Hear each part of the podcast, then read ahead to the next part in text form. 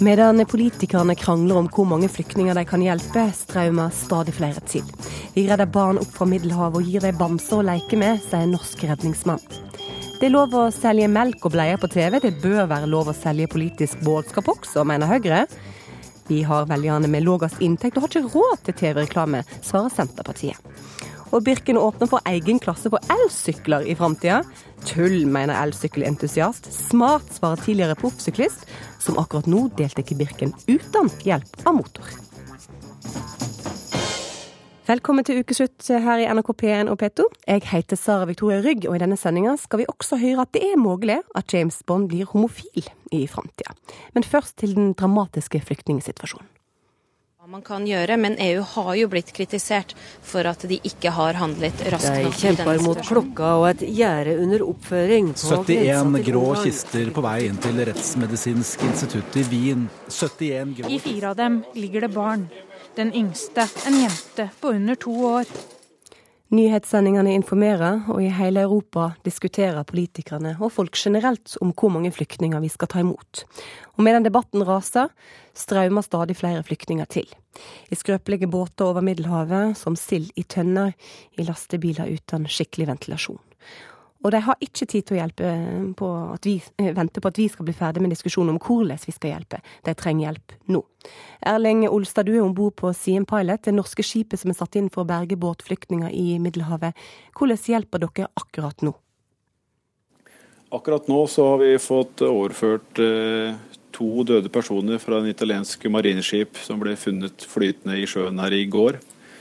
Eh, så vi ivaretar nå de døde personene i vår kjølecontainer og skal gjennomføre en normal norsk ID-prosedyre for å prøve å finne ut hvem disse døde personene faktisk er. I tillegg så er det fått varsling om en SAR-operasjon som er pågående nærmere Libyas kyst, som det er et annet fartøy som foreløpig er involvert i. Så det er aktivitet i området, absolutt. Hva er det som har gjort sterkest inntrykk på deg i løpet av de her eh, oppdragene du har vært på? Det er eh, mange spesielle situasjoner som jo tar med seg bagasjen hjem igjen. Eh, jeg har barn på ti år selv, og når du ser da en gutt på ti år som reiser alene, altså uten noen knytning til andre som vi klarer å spore opp, eh, det er jo en situasjon og en start på livet som jeg ikke ville gitt mine egne barn. Eh, over til eh, Vi hadde jo en del kvinner som var stygt skada, som var også en av de som var høygravide. Eh, og ser da den situasjonen de er i, og den hjelpa vi faktisk da klarer å gi dem med en meget god jobb av vårt sanitetspersonell om bord. Det er også noe som gjør inntrykk. Og da til en familiefar som er blind, som da hadde da reist fra sør for Sahara sammen med sine to tenåringsgutter, som da geleida den blinde faren sin rundt omkring. Og klart Det er sånne synsinntrykk og situasjoner som du, du tar med deg. Du sier at du får skjebnene tett på deg. Dette her er mm, mennesker som, som er på flukt i, nød. Det er masse små barn. Hva sier en til et lite barn en har eh, redda opp fra vannet for å trøste og, og berolige? Nei, altså Det er å prøve å vise på sin menneskelighet i forhold til kontakten kontakt med disse barna, og også de andre migrantene vi har om bord her. Eh, vi har jo, som du også har kjent tidligere, etter eh, initiativ fra en av våre om bord her, tatt med oss bamser og kosedyr nedover, som vi får gitt til disse barna. Der vi ser at eh, barna da de faller til ro. De begynner å leke med disse eh, lekedyrene. og det er utrolig godt å se at en så liten ting kan glede de så mye. Og at de da opptrer som vanlige barn hjemme. og de er Heldigvis så lever de her i nuet, og vi klarer å få gitt dem en så god stemning om bord som overhodet mulig. Men eh, klart det gir eh, inntrykk på oss alle sammen. Så skjønner jeg at dere fikk en uh, hyggelig hilsen av en av de yngre som dere hjalp opp av vannet. Ja, altså det som vi har jo Vi fant jo her ene dagen, så så vi at det var skrevet en tegning, eller skisse, med en tekst om bord på båten vår. Den har også blitt lagt ut på Twitter-kontoen eller Facebook-kontoen til Kripos. Fra en, på, en som heter Mohammed. Eh, og han takka for den eh, støtten og den hjelpa han har fått om bord her. Og klart Det er også noe som gir inntrykk, og da viser vel kanskje litt at den humane tilnærminga vi ønsker å ha til de vi har om bord her, er en god norsk tilnærming og som kan gjøre oss stolte i forhold til den jobben vi gjør om bord her. Og Det er også selvsagt noe som gjør sterkt inntrykk på oss. Vi skal videre til Syria, der mange av flyktningene som kommer til Europa, flykter fra. Og Der er du, Ola Ulmo, du er landansvarlig for Røde Kors. Hva ser du? Nei, de ser uh, til daglig Syria Både når jeg reiser rundt i Syria, men først og fremst når jeg prater med kolleger og venner i Damaskus og ellers i Syria. Så, så prater jeg med folk som først og fremst flykter for sine liv. Det er en brutal krig. Folk blir bomba fra lufta. Eh, den blir skutt på fra bakken, og det er sivilbefolkningen det går utover. Eh, nå etter fire-fem år med, med, krig i Syria, så har infrastrukturen og, og det syriske samfunnet brutt sammen. Eh, folk mangler tilgang på strøm, de mangler tilgang på vann.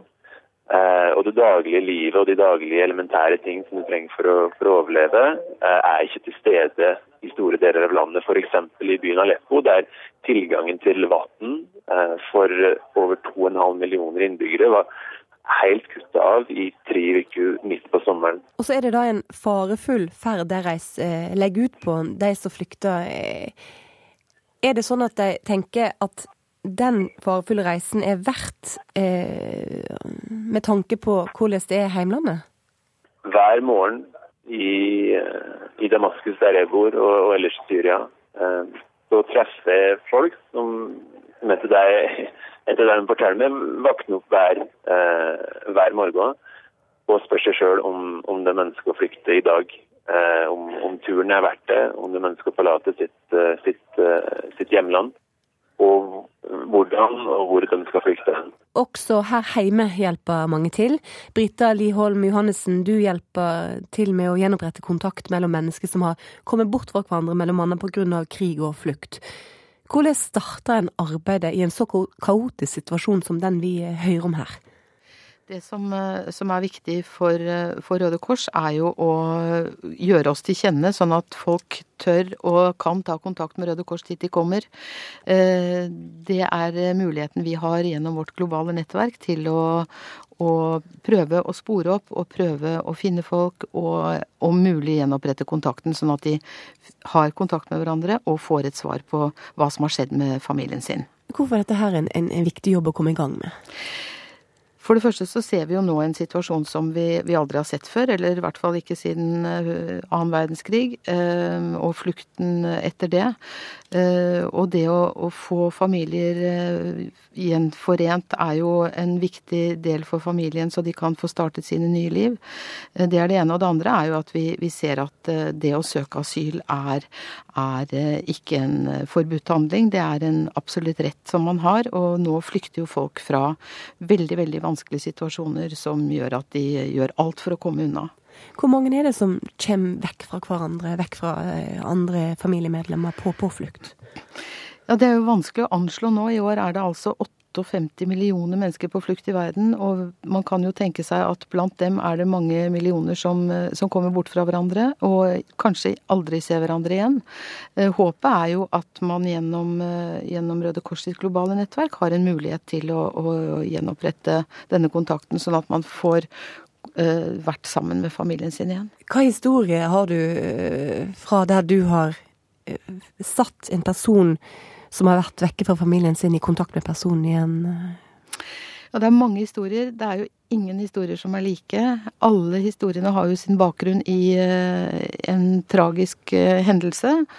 Eh, og særlig når det gjelder krig og konflikt og katastrofer som vi jobber med, så er det jo ikke Det er jo det som er utgangspunktet for at de kommer bort fra hverandre, er jo nettopp at det har vært en, en tragisk hendelse i deres liv.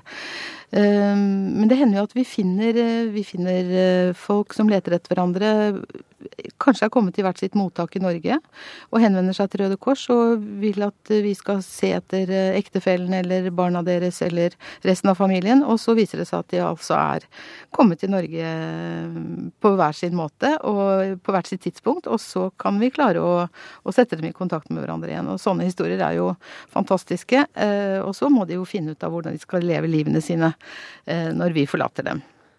Arbeidet holder fram for alle dere tre. Lykke til. Denne veka har vi sett tusenvis av flyktninger klippe seg gjennom piggtrådgjerdet for å krysse grensa til Ungarn og komme innenfor Schengen-området. Men for snart 60 år siden, i 1956, så var det ungarerne som risikerte livet for å krysse grensa ut av det sovjetokkuperte landet. En av dem er Lucia Maria Nagy, som måtte flykte til Norge etter å ha deltatt på studentopprøret. Nå følger hun med på hva som skjer i heimlandet. Ungarske TV-nyheter står på i bakgrunnen hjemme hos Lucia Maria Nagy. Hovedsaken er flyktningene som kryper under piggtrådgjerdet på grensa til Ungarn, inngangsporten til det forjettede Schengen.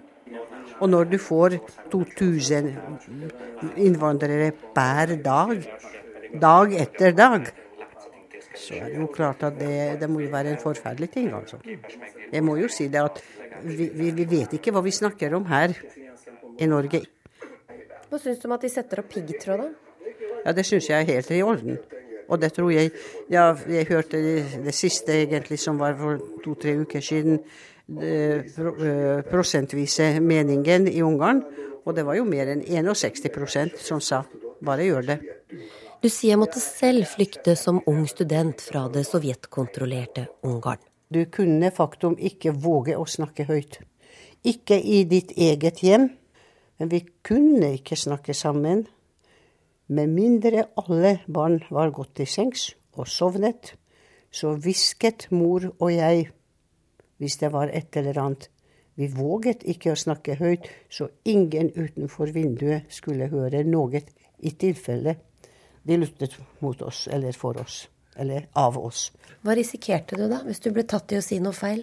De har bare smilte litt, og så kom de på kvelden etter, og så forsvant du. ikke sant? Så det var, det var på denne måten det ble gjort.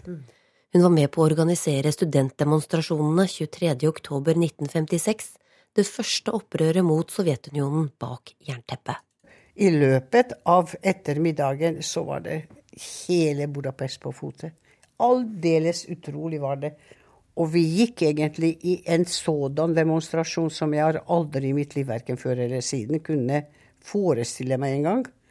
Fordi den greden og den, altså den lykkefølelsen å kunne si høyt at russerne er hjem, den det må jeg si, det, er, det var det, den lykkeligste dag i mitt liv. Det fortsatt kan jeg huske på. Men smaken av frihet varte ikke lenge. 4. november tok sovjetiske tropper igjen over Ungarn. Nyheten nådde også Norge og statsminister Einar Gerhardsen. Det som nå skjer i Ungarn er dypt tragisk. Vår glede over en utvikling mot større frihet og uavhengighet for det ungarske folk er avløst av sorg over at sovjetrussiske militære styrker har besatt Ungarn. Og det ble farlig for Lucia. Når jeg fikk høre fra min venninne mm, at de har lett etter, eller spurt etter deg på universitetet, så sa hun at jeg tror du skal stikke av gårde. Med andre ord, de vet jo da hva jeg har gjort, og da kan jeg egentlig bli tatt for det. En kjent mann ledet dem mellom de sovjetiske vaktpostene over skoggrensa til Østerrike. Deretter ble de flydd til Norge, hvor de fikk et sted å bo og studiemuligheter. Jeg må jo si det egentlig, hvem enn du møtte, så var det egentlig stakkars dere som da mistet igjen friheten. Så det var, det var en veldig positiv innstilling, og vel, vel vitende om egentlig hva som skjedde. Men var det noen her i Norge som eh, var imot å ta imot flyktninger? Husker du det? Den gang tror jeg ikke. Nei. Nei. I disse dager forsøker 1500 flyktninger å komme seg inn i Ungarn og Schengen-området hver dag. Europarådets generalsekretær Torbjørn Jagland sa denne uka at vi i nord prøver å unngå ansvaret. Og Det er jo det som er problemet nå, at eh, det er liten europeisk solidaritet. Man skyver problemene ensidig over på de landene som ligger rundt Middelhavet. Norge har jo sagt vi skal ta imot 8000. Hva syns du om det? Ja, det syns jeg nok kanskje temmelig lite, altså. Jeg må si det. Fordi i forhold til den mengden som du nå ser når du ser på TV og diverse, at rundt opptil 2000 mennesker kommer hver døgn inn til Ungarn. Og det er jo egentlig noe helt, helt utrolig. Helt, helt, og det, man kan godt skjønne men Europa er jo egentlig et bitte lite flekk på jorden. Og hvor skal vi egentlig ha de flere hundre tusener som nå kommer dag etter dag? Det er jo der egentlig problemet er. Reporter var Linn Beate Gabrielsen.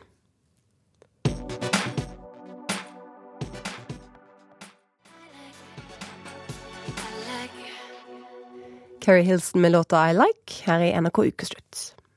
En av de tingene som er mest frustrerende som politiker, er at eh, media veldig ofte er opptatt av å finne de negative vinklingene på sakene.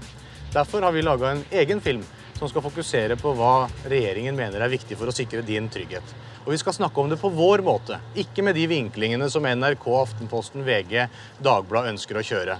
Derfor er dette viktig for regjeringen å få frem hvordan vi mener at din trygghet skal ivaretas. Justisminister Anders Anundsen var lei negative vinklinger fra journalister, og lager like greit sin egen informasjonsfilm om arbeidet regjeringa har gjort den siste tida. Filmen den skapte rabalder, og den vekte til live den gode, gamle diskusjonen om politisk reklame på TV. Stortingsrepresentant for Høyre Heidi Nordby Lunde, du mener at siden det er lov å selge bleier og melk eh, på TV, så bør det være lov å selge politisk budskap også. Hvorfor det? Vel, Høyre har vel ment at det er et paradoks eh, at kommersielle aktører får lov til å kjøpe tid for å selge bind og bleier, eh, men ikke organisasjoner og partier som har et politisk budskap. Når, eh, så, sånn sett så dreier det seg om ytringsfrihet. Men når det er sagt, så er jo loven langt på vei forelda, nå som vi har så mange andre potensielle flater for bl.a. videokommunikasjon og sosiale medier, hvor det er mulig å få fram en annen form for dialog og, og budskap. Så, så vi mener at det burde vært lov med politisk reklame på TV. Så kommer også små stemmer til, til ordet. Men at eh, dette langt på vei allerede er dekka. Så du vil gjerne at filmen du sitter og ser på TV, blir avbrutt av en liten reklamesnutt der Anders Anundsen går rundt og snakker med, med sine mm, undersåtte i, i eh, politietaten, f.eks.? Jeg vil helst ikke at filmen jeg eh, ser på blir avbrutt av 33 minutter med noen form for reklame, egentlig. Trygve Slagsvold Vedum, leder i Senterpartiet. Du er ikke begeistra for tanken om politisk eh, reklame på TV. Hvorfor ikke? Men det er bare å se til eh, USA, der politikken har blitt mer og mer pengedrevet. Og der det er de som har mest penger, får mest oppmerksomhet, får mest uh, spalteplass, får mest uh, TV-tid. Mens det folkelige engasjementet da blir mindre og mindre viktig. Og det som er så fantastisk i det norske demokratiet, er jo at bare i dag så er det sikkert titusenvis av folk ute rundt omkring i hele landet står på stand, diskuterer og er engasjerte. Og det er liksom det folkelige engasjementet som er det drivende, ikke de som har mest penger. Og hvis vi åpner en sånn karusell med TV-reklame, så kommer det til å bli mye mye mer pengedrevet og mye mer kommersialisering av norsk politisk debatt, og det er ikke av det gode. Men på, på vei til jobb i dag så så jeg en trikk passere meg, og der var det bilde av Jonas Gahr Støre og Trine Skei Grande smilte til meg. Hva er forskjellen på reklame på trikk eller i aviser og, og på TV? Det vil bare gire den karusellen enda mer. og Vi har sett det nå under dagens regjering at f.eks. når det er kritiske debatter, så er det veldig vanskelig å få statsråder fra Høyre og Frp til å stille opp i ulike debattprogrammer. De sier nei, vi har ikke tid i dag, vi gjør det i morgen. Trenerer mange debatter. Og så Anders Anundsen uh, gir et godt eksempel i den filmen han uh, sjøl har lagt ut. At han syns at pressen er for kritisk. Derfor skal jeg sjøl selge ut mitt budskap. Og Hvis man da får muligheten til å gjøre det på TV i tillegg, så vil det bli enda vanskeligere å få de personene som representerer de, pengene, eller de partiene med mest penger, til å stille i kritiske debatter, og at de heller selger ut sine budskap gjennom TV-annonser. og det, det, er ikke noen ønska utvikling. Vi bør ha en fri debatt som er minst mulig styrt av penger, og mest mulig styrt av folkelig engasjement, som er kvaliteten i det norske demokratiet. Altså, Her er det jo opp til altså, noe flåseri og, og noe som er ren, rene spekulasjoner på om eh, partiene kommer til å stille opp eller ikke. Um, men jeg hva, er, hva, hva er det som er flåseri i det jeg sa nå? Flåseri, flåseri er å, å, dra amerikaniseringen, den skal jeg komme tilbake til. Og det andre er en ren spekulasjon i å påstå at våre statsråder ikke kommer til å stille opp i debatt bare fordi at man også ja, men Det har vi jo merka veldig godt de siste par åra. For det første så altså, handler det jo om at en del reklame også er mynta inn på for redaksjonell omtale, fordi at man vet at det er mye mer verdifullt for både partier og produkter enn uh, kommersiell reklame. Det er det ene. Når det gjelder dette med amerikanisering, så synes jeg at presidentutspørringen av kandidatene i USA er jo langt mer seriøst og interessant å se på enn mange av de underholdningsbaserte TV-debattene i, i, Norge. Og det vi har lært fra amerikansk valgkamp, sånn som gå på husbesøk, invitere folk hjem til oss eller uh, jobbe med sosiale medier, er jo for å komme i dialog med folk. men, men amerikanske politikere bruker jo mye penger på samme samle inn penger nettopp til type kampanjer og TV-reklame? Ja, men det er noen forutsetninger som ligger i grunnen der, nemlig at vi skal endre det politiske systemet i Norge til å bli et topartisystem. At vi skal opprette disse uh, PAC-systemene som gjør at du får interesseorganisasjoner utenfor partiene som reklamerer. Og det er det jo ikke snakk om. Og vi har jo hatt en interessant sak her i Norge med Pensjonistpartiet, som har ønsket å komme til orde bl.a. via, um, uh, via kommersiell, uh, kommersiell reklame, og har tatt det til Menneskerettighetsdomstolen og fått også anerkjent deres rett til å kunne ytre seg. Og så er det jo sånn at Vi som er store partier, vi får stor flate i utgangspunktet. Vi har mer ressurser. Og Høyre og Arbeiderpartiet blir invitert i studio, i motsetning til f.eks. Pensjonistpartiet. Så vi får jo den plassen vi trenger nesten uansett. Dette handler ja. faktisk om de andre stemmene. Ja, Det er veldig rørende at, uh, det, at, det, er engasjement for de små partiene som Høyre er så veldig for i TV-reklamen. Alle, mange av de, alle de etablerte små partiene på Stortinget i dag er imot. Og det er jo fordi at Høyre er jo det partiet som får desidert mest penger av sine eh, støttespillere, de som har mest penger i Norge. Så Høyre er jo det partiet som vil få kunne kjøpe seg også mest TV-sendetid. Men la oss diskutere, diskutere det prinsipielle. Ønsker vi at norsk politikk skal bli mer pengedrevet? Eller ønsker vi å bygge videre på den modellen der det er det folkelige engasjementet som er det bærende? Og vi ønsker å bygge videre på det. Og når du ser amerikansk politikk de siste åra, så blir det mer og mer pengedrevet for hver eneste valgkamp. Så erfaringer fra andre land som har åpna for TV-reklame, er at penga får mer makt, og det folkelige engasjementet får mindre. Og kvaliteten i et folkestyre er jo at alle skal være likeverdige, og så skal vi tåle kritiske spørsmål fra presse, og ikke gjøre sånn som Anders Anundsen gjør i sin informasjonsfilm. Film, vise, si at det er et stort problem at vi har en kritisk presse i Norge. Det er et gode. Og den holdninga vi har sett fra Frp i regjering, gjør at det kommer til å bli enda mer den type type kampanje og mindre frammøte i ulike debattredaksjoner. Jeg opplevde sist, siste uke flere ganger at folk fra Høyre og Frp ikke ville stille pga. at det var en diskusjon om distriktspolitikk. For de mener at de kommer til å tape en sånn debatt fordi at de vet at de fører en veldig dårlig distriktspolitikk. Her, altså her kommer det jo påstander som, som eh, Slagsvold Vedum ikke kan belegge, og våre statsråder er faktisk ute og driver valgkamp. Og ute i de samme distriktene og ikke er i, i, i, studio. Og er ute og snakker med folk og er med på det folkelige engasjementet Vedum er så opptatt av. Men hvis det er slik at folk ikke vil ha det, så ville det jo vært en kjempetabbe av Høyre og Arbeiderpartiet å bruke masse penger på, eh, på reklame. Og hvis det er slik at, eh, at eh, politisk reklame ville, ville ikke gynne de, de, små partiene, så hvorfor ser vi ikke en berøring nå? Hvorfor er ikke de små partiene større enn det de er? Nå har vi ikke politisk reklame. Allikevel så er det de store som, som får mest. Så her er det jo flere ting som faktisk ikke, ikke henger på greip. Men det viktigste er jo at de store partiene i dag får jo nettopp mye oppmerksomhet. Men, men rike, hvis... Høyre har masse rike onkler som spytter inn penger, så dere kan bruke da eventuelt til å reklamere på TV. Hva med de små partiene som ikke har så mange rike støttespillere, som f.eks. Slagsvold Vedum sier, de har velgerne med med lavest inntekt? Ja, jeg tror at venstresida faktisk er de som ville tjent mest på politisk reklame. Arbeiderpartiet og LO, og ikke minst alle særinteresseorganisasjonene som ville fått adgang. For dette handler jo ikke bare om at partiene kan drive med politisk reklame, men at ulike typer uh, særinteresseorganisasjoner, som f.eks. Bondelaget, også kunne gjort det. Og det tror jeg hadde faktisk uh, uh, vært en fordel for venstresida, ikke høyresida. Allikevel så er jeg for. Og det handler om prinsippet om ytringsfrihet, som også Menneskerettighetsdomstolen har slått fast. Saksvold Vedum, kunne ikke du fått en rik eh, Senterparti-onkel til å spytte inn litt penger, sånn at du kunne ha eh, konkurrert med Høyre? Ja, det, jeg har ingen ønske om den utviklinga i det hele tatt. Jeg har et ønske om at det skal være det folkelige engasjementet som er det drivende, ikke de eventuelt rike onklene. For hvorfor skal vi kommersialisere alle deler av samfunnsdebatten? Kan vi ikke la den politiske debatten være fri, og at penga skal styre minst mulig? For i norsk politikk så styrer penga veldig lite sammenlignet med andre land. Altså Høyre er det partiet som får mest. Ja vel, så får de det, og de vil sikkert også kunne få enda mye mer hvis det blir TV-reklame. Men er det det vi ønsker, vi som har litt sånn konservativ tilnærming til folkestyret, at det skal vi ha respekt for. Vi bør jo se at det, vi skal gradvis forbedre det, og da er det det folkelige engasjementet som er bra, ikke kapital- og pengemakta. Og det er det ingen som ønsker, men jeg skjønner at Høyre ønsker det, for de tror at de kanskje skal vinne litt. Men jeg tror det norske demokratiet kommer til å tape på det, og la oss slippe. Da sier vi takk til deg, Trygve Slagsvold Vedum og Heidi Nordby Lunde, og fortsatt god valgkamp helt uten politisk reklame på TV.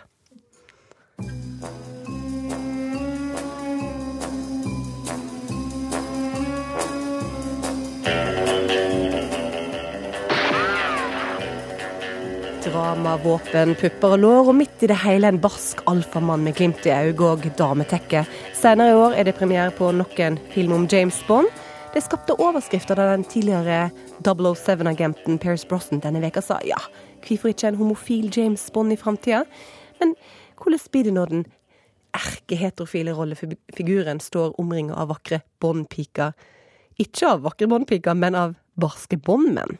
Ukeslutt har sjekka hvordan det ville høres ut om James Bond tok den helt ut som homo. I admire your luck, Mr. My name is Bond, James Bond. I'm into boys, jail boys.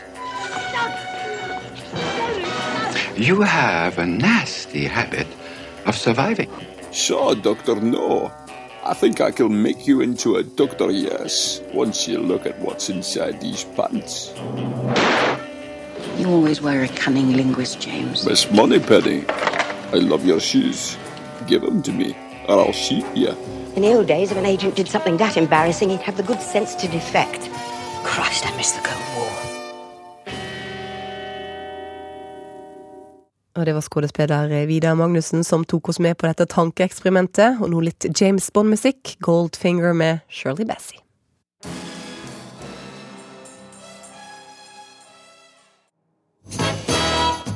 Du hører på Ukeslutt i NRK P1 og P2. Hold fram med det å høre at Trym er knapt litt tørr bak øra, men stiller som kandidat for Pensjonistpartiet i kommunevalget. Bli med 18-åringen på nærbutikken. Gulrotkake, det er det beste. Det er ikke napoleonskake, altså? Nei, enda det er veldig godt, det òg, da. Det er jo det. Og bør det være lov med elsykkel i Birken? Vi spør fullstendig utslitte rittdeltakere om litt. Jeg er ikke noe særlig tiltrukket av jenter på min egen alder, og det syns jeg er litt uh, rett for dem òg. Ja, som jeg pleier å si, jeg har du først på en smak med rosiner, så har du ikke så lyst på druer. De åt småkaker engsta seg og var opptatt av krigen, slik skildrer Harald Eia og Bård Tufte Johansen Gamlis-ungdommen i sketsjer for 20 år siden. Og nå kan mye tyde på at eh, sketsjen er blitt virkelighet. For på Gjøvik stiller en kandidat som knapt er blitt myndig til valg for Pensjonistpartiet.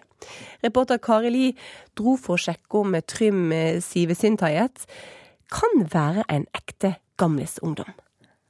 Jeg som 18-åring kan jo umulig vite hva som er riktig i de fleste saker, så jeg er avhengig av å høre på folk som har erfaring. Du kan ikke si bare 'jeg vet best sjøl', for jeg vet ikke best sjøl. Trym Sivsintaje har rynkefri hud med noen småkviser, slik mange ungdommer har. Men der stopper likheten. For mens jevnaldrende lurer på hvilket parti de skal stemme på, står Trym på lista til Pensjonistpartiet på Gjøvik. Når jeg var tolv år, så leste jeg gjennom de fleste programmene for første gangen, da. Det var egentlig ingen som var sånn helt 100% som passet helt.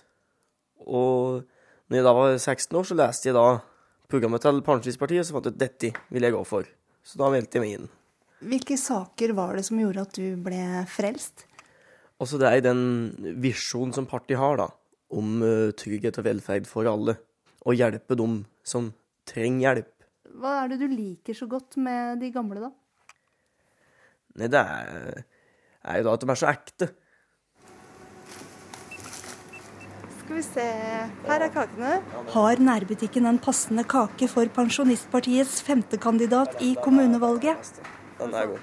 Det er gulrotkake. Det er det beste. Det er ikke napoleonskake, altså? Nei, enda det er veldig godt, det òg, da. Det er jo det. Og kaffe har du, eller? Ja, jeg har det. Og mokkabønner og Jaha.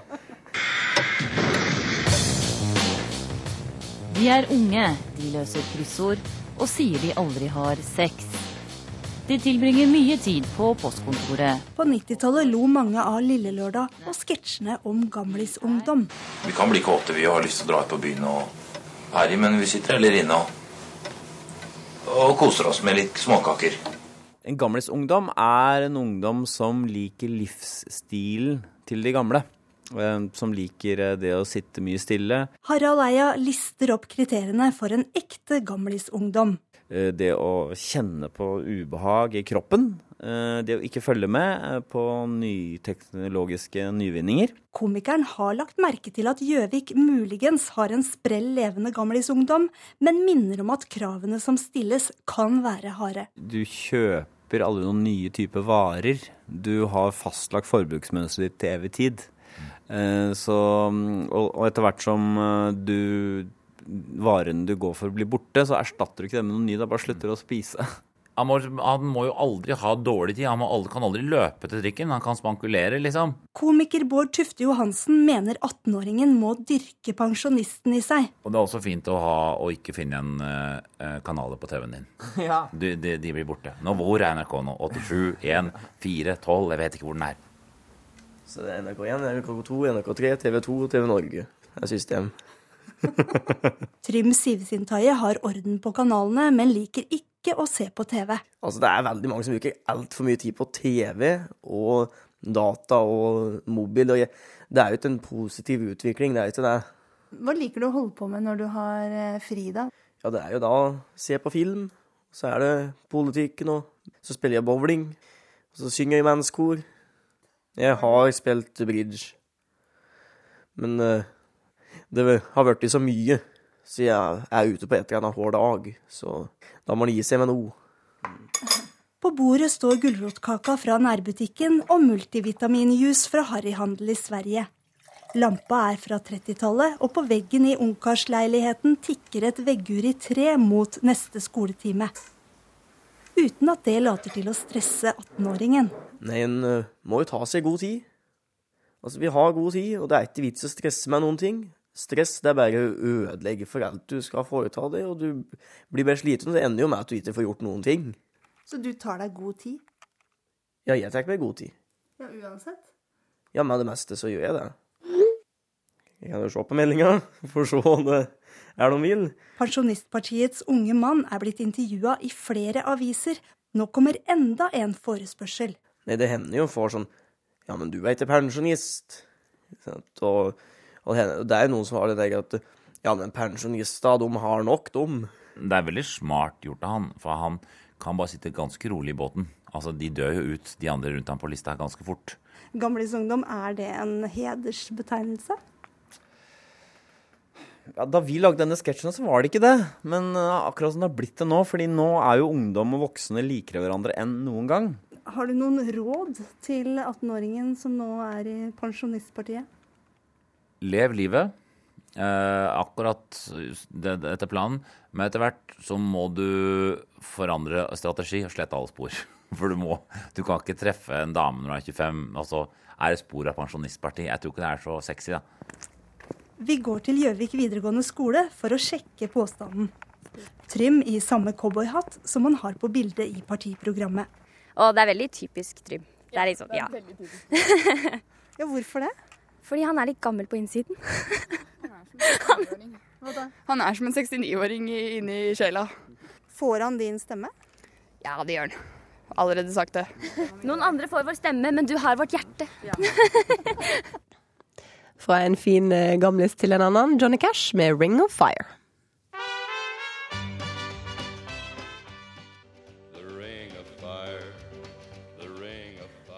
I dag tidlig gikk startskuddet for det 23. Birkemennerrittet på Rena. I flere måneder har tusenvis av pappakropper og mammakropper fra hele landet tråkka på sykkelpedalene til eh, de har kjent blodsmaken i munnen for å nå Birkenformen i tide. Og nå har de samla og, og, nå de sammen, har de sammen brynt seg på de 92 kilometerne med kronglete løyper over fjell og skog til Lillehammer. Reporter Andreas Sagen, du er på plass ved målgangen ved Håkonshall på Lillehammer. Hvor mange slitne sykkelentusiaster har du liggende rundt deg nå? Nei, du, akkurat nå så ser det faktisk eh, veldig bra ut. Det kommer folk eh, jevnt og trutt i mål her. Det er jo over 14 000 stykker som eh, sykler over fjellet i dag, og det gjør de i fantastiske forhold. Sola den skinner innimellom, det er rundt 20 grader. og Jeg må jo faktisk si at de som kommer inn her, de ser nesten ikke ut som de trenger å vaske sykkeltøyet sitt etterpå, fordi at det har vært så tørt fint over fjellet at dette har nok, selv om det er veldig veldig slitsomt selvsagt, så har det nok vært en veldig fin, fin tur. Men ehm, det er jo selvfølgelig også sånn at det er noen som ligger nede der. Jeg så en kar her i stad. Han, han, måtte få hjelp av Røde Kors. Han hadde noen forferdelige kramper i beina. Jeg har med en kar her som ser uh, usedvanlig frisk ut. Og det er Nå kaller jeg for en veteran Oddgeir Merlingen. Birkebeinerrittet har blitt arrangert 23 ganger, og du sykla for 23. gang. Åssen var det i år? Eh, 23. gangen var vel en av de eh, beste turene jeg har hatt over fjellet, tror jeg. Det var eh, fine forhold. Ikke var det bløtt etter alt regnværet. Det var fin stemning langs løypa. Fin stemning blant syklister. Ikke noe knuffing eller noen ting. Helt topp. Men du har også vært med på dette 23 av 23 ganger. Hva som gjør at du vil gjøre dette igjen og igjen? Nei, eh, Det går litt prestisje av det, for det skal alltid av noen hvert år som har kjørt alle ritta. Og til slutt så håper en vel å kanskje stå igjen alene på toppen som har kjørt alle ritta. Men eh, samtidig så er det et veldig fint arrangement. Det, skal si, det fenger alle typer mennesker. Fra supermosjonisten til eh, den som er helt proff. Og se bare på stemningen rundt her nå på stadion. Det er en av grunnene til at jeg vil være med år etter år. Du sykla på 3.51 i år, og det høres veldig imponerende ut. Hva, hva syns du sjøl om tida? Jeg er vel fornøyd. Det er eh, alltid de evinnelige to minutter bak merket, men det, det, er ikke noe mål for meg. Målet mitt er å holde med form og, og komme helskinna over fjellet. Det er veldig viktig. Så nei, jeg er fornøyd. Kjempefornøyd. Det, jo, det er sånn stadig tilbakevendende tema på en måte stemningen i løypa. Det er over 14 000 som sykler, og det er jo veldig mange som er fryktelig ivrige og som vil veldig fort eh, fram. Men, men du syns det på en måte har dempa seg litt i år med spisse albuer og hoiing og, og, og, og sinna folk? Merka ingenting til det. Men det var som jeg sa, veldig fin stemning blant løperne. Og den startordningen med seedingen er veldig fin. Så i år ikke noe negativt å si om noen ting. Alt fungerte. Det sier også Oddgeir Merlingen, som har sykla imponerende 23 av 23 ganger. og Han ser usedvanlig frisk ut her, knapt svett i panna. Og den der drakta den trenger du ikke å vaske heller, Oddgeir? Drakta er like fin, den er bare å tørke av seg støvet, så er den klar for banketten. Han så sprek ut at du skulle tro han hadde sykla elsykkel under Birkebeinerrittet. Det er nemlig noen denne uka her som har spurt kan ikke vi få en egen klasse for elsykler i Birkebeinerrittet? Og, og Birkebeinerrittet sier at de vurderer å innføre en klasse for elsykler i framtiden en gang. Ingeborg Moreus Hansen, tidligere kinosjef i Oslo, en svoren elsykkelentusiast. Sjøloppnevnt president i Foreninga for elsykkelens fremme. Ja. Dette er en dårlig idé, sier du? Ja, selvfølgelig er det det. Hvorfor altså, det? Elsykkel er ikke noe sportsutstyr. Elsykkel er en kultur og ikke sport. Elsykkel er for at vi skal være frihet fra bilen. Elsykkel er for at du skal kunne handle, og en kurv for rødvin, og en kurv for hvitvin, og en kurv for bøker og aviser.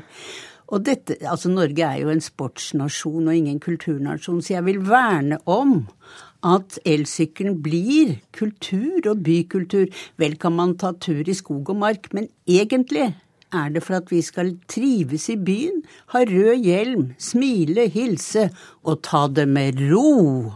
Du, du og det lukter ikke svett også.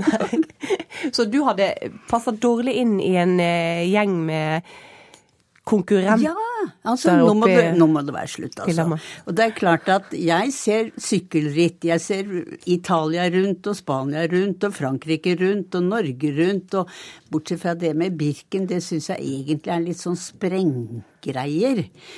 Men dem om det. Det får bli deres problem. Men ikke forurens elsykkelkulturen med å sprute rundt oppi steina på elsykkel. Dette er jo fryktelig Det er bare feil. Det er feil.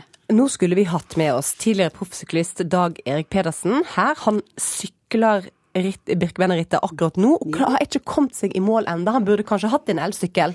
Ja, det vil jeg tro. Altså, nå er det like før de begynner med moped og scooter. Han slår et slag for en egen klasse for elsykler i Birkebeinerrittet. Derfor han ikke tør komme hit til å treffe meg, tror jeg. Og, og, han sier det at grunnen til at han mener at det er en OK idé med, med, med, med elsykkelklasse, det er fordi at da kommer veldig mange forskjellige typer mennesker seg ut. Ikke bare de der sporty folka som vi hørte her i sted, Oddgeir. Hva med deg? mennesker. Eldre, kanskje syke. Kanskje de får lov til å delta i Birkebeinerrittet? Det, det er ganske så farlig å kjøre elsykkel, skjønner du. Fordi vi skal kjøre sakte. Det er hele vitsen ved elsykkel. Nå må vi slutte å tro at vi hver dag skal delta i en sportsprestasjon. Vi skal være sammen i byen. Og, og herr Pedersen, han må jeg snakke nærmere med neste gang. Dette er helt feil. Ja, Andreas Hagen fremdeles med oss fra, fra Lillehammer. Oddgeir Melingen, hva han tenker? Kunne han tenkt seg en elsykkel i ritter framover? Nei, jeg er ikke for uh, elsykkel i uh, Birkebeineren. Jeg er for elsykkel pga. folkehelsa, men uh, det skal ikke være med i Birkebeinerrittet. Ikke engang med tanke på alle de som da kunne vært med og, og, fått en del av den flotte opplevelsen som du har opplevd i dag? Nei, jeg, jeg syns ikke det, men det er min personlige mening. Det er to av oss. Hvordan hadde du reagert dersom du sykla og sleit ute i løypa der, og så kom det en fisende forbi deg på, på elsykkel? Han hadde kanskje blitt litt misunnelig. Vi så jo der inne i fjellet her i dag at det var folk som kjørte ved siden av eh, puljer i, i rittet på elsykkel, og det går, jo, det går jo fort. Og jeg tror at det er kanskje få til flere ulykker. De kjører for fort i fjellet med elsykkel. Kjøre Nei. Der må de bruke menneskelig kraft over fjellet, så kan de Jeg er enig med Ingeborg at de kjører elsykkel i byen med rødvin i kurven. og rød hjelm på hodet, Ingeborg. Selvfølgelig. Da får du eh, kjøre veldig forsiktig hjem igjen. Og så får vi sende en liten uh, lykke til til Dag Erik Pedersen, som uh, sliter ute i løypa uten, uten maskin. Ja, det gjør vi. Lykke til. Lykke til. I like måte.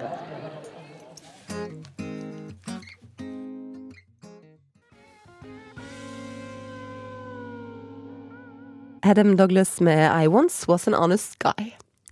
Tonje Brenna, Eirik Faret Sakariassen og Julia Brandstrøm Northug drømmer alle om et ordførerkjede. Derfor er det nett nå i en hektisk valgkamp. Og den har innslag av solbrente legger, quiz og punkterte sykkeldekk. Her er ukas valgkampdagbok. Hei, jeg heter Tonje Brenna og er fylkesordførerkandidat for Arbeiderpartiet i Akershus. Jeg heter Eirik Faret Sakariassen. Jeg er 24 år gammel og bor i Stavanger. Og der stiller jeg som SV sin ordførerkandidat. Hei, mitt navn er Julia Brenstrøm Northug. Jeg er 23 år gammel og stiller som ordførerkandidat for Fremskrittspartiet i Sarpsborg. Hva skjer nå, Edvin? Nå er klokka ti på seks, og vi venter på NRK. Vi skal sykle Akershus rundt på sykkel. Ja. Hvor trøtt er du nå, egentlig? Ja, ganske trøtt, altså. Har vi vondt i rumpa allerede etter én kilometer? ja, jeg spørs hvordan dette kommer til å gå. Da er Audun endelig kommet. Her er han. Hei, velkommen. Takk. Men nå er det en helt ny greie. Nå skal vi rett og slett inn og ha quiz på Studenter, samfunnet, folken. Og Her er det masse folk, og vi har forberedt eh, både litt musikk og litt eh, andre ting. Du, har du vært quizmaster før, for å begynne med det? Um, nei, det tror jeg faktisk ikke. Um, bare sånn med quizbok når familien er på ferie. Så det her blir jo en skikkelig ildopp. Må være såpass sjenerøs og tørre å påstå at eh, vi har den beste standen i Sarpsborg.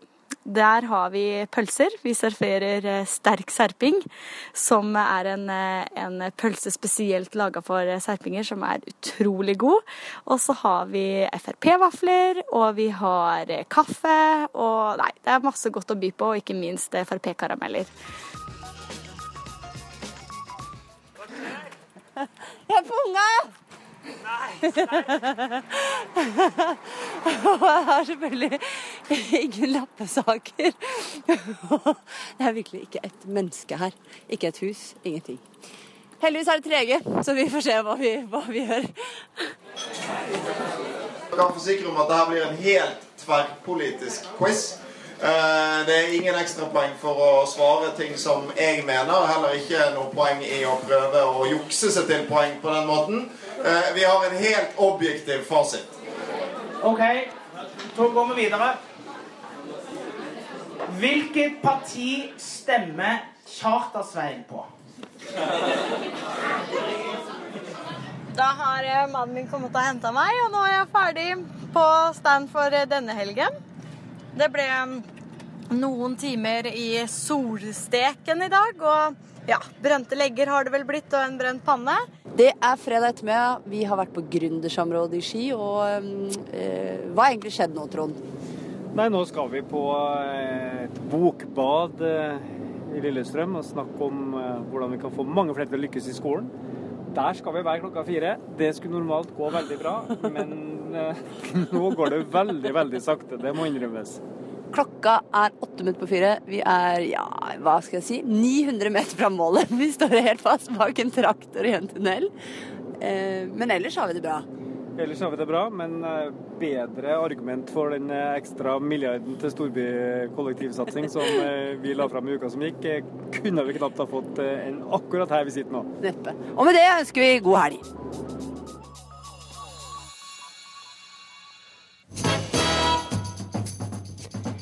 Ukeslutt er over for i dag. Ansvarlig for sendinga var Gry Veiby. Finn Li styrte teknikken, og jeg heter Sara Victoria Rygg. God helg.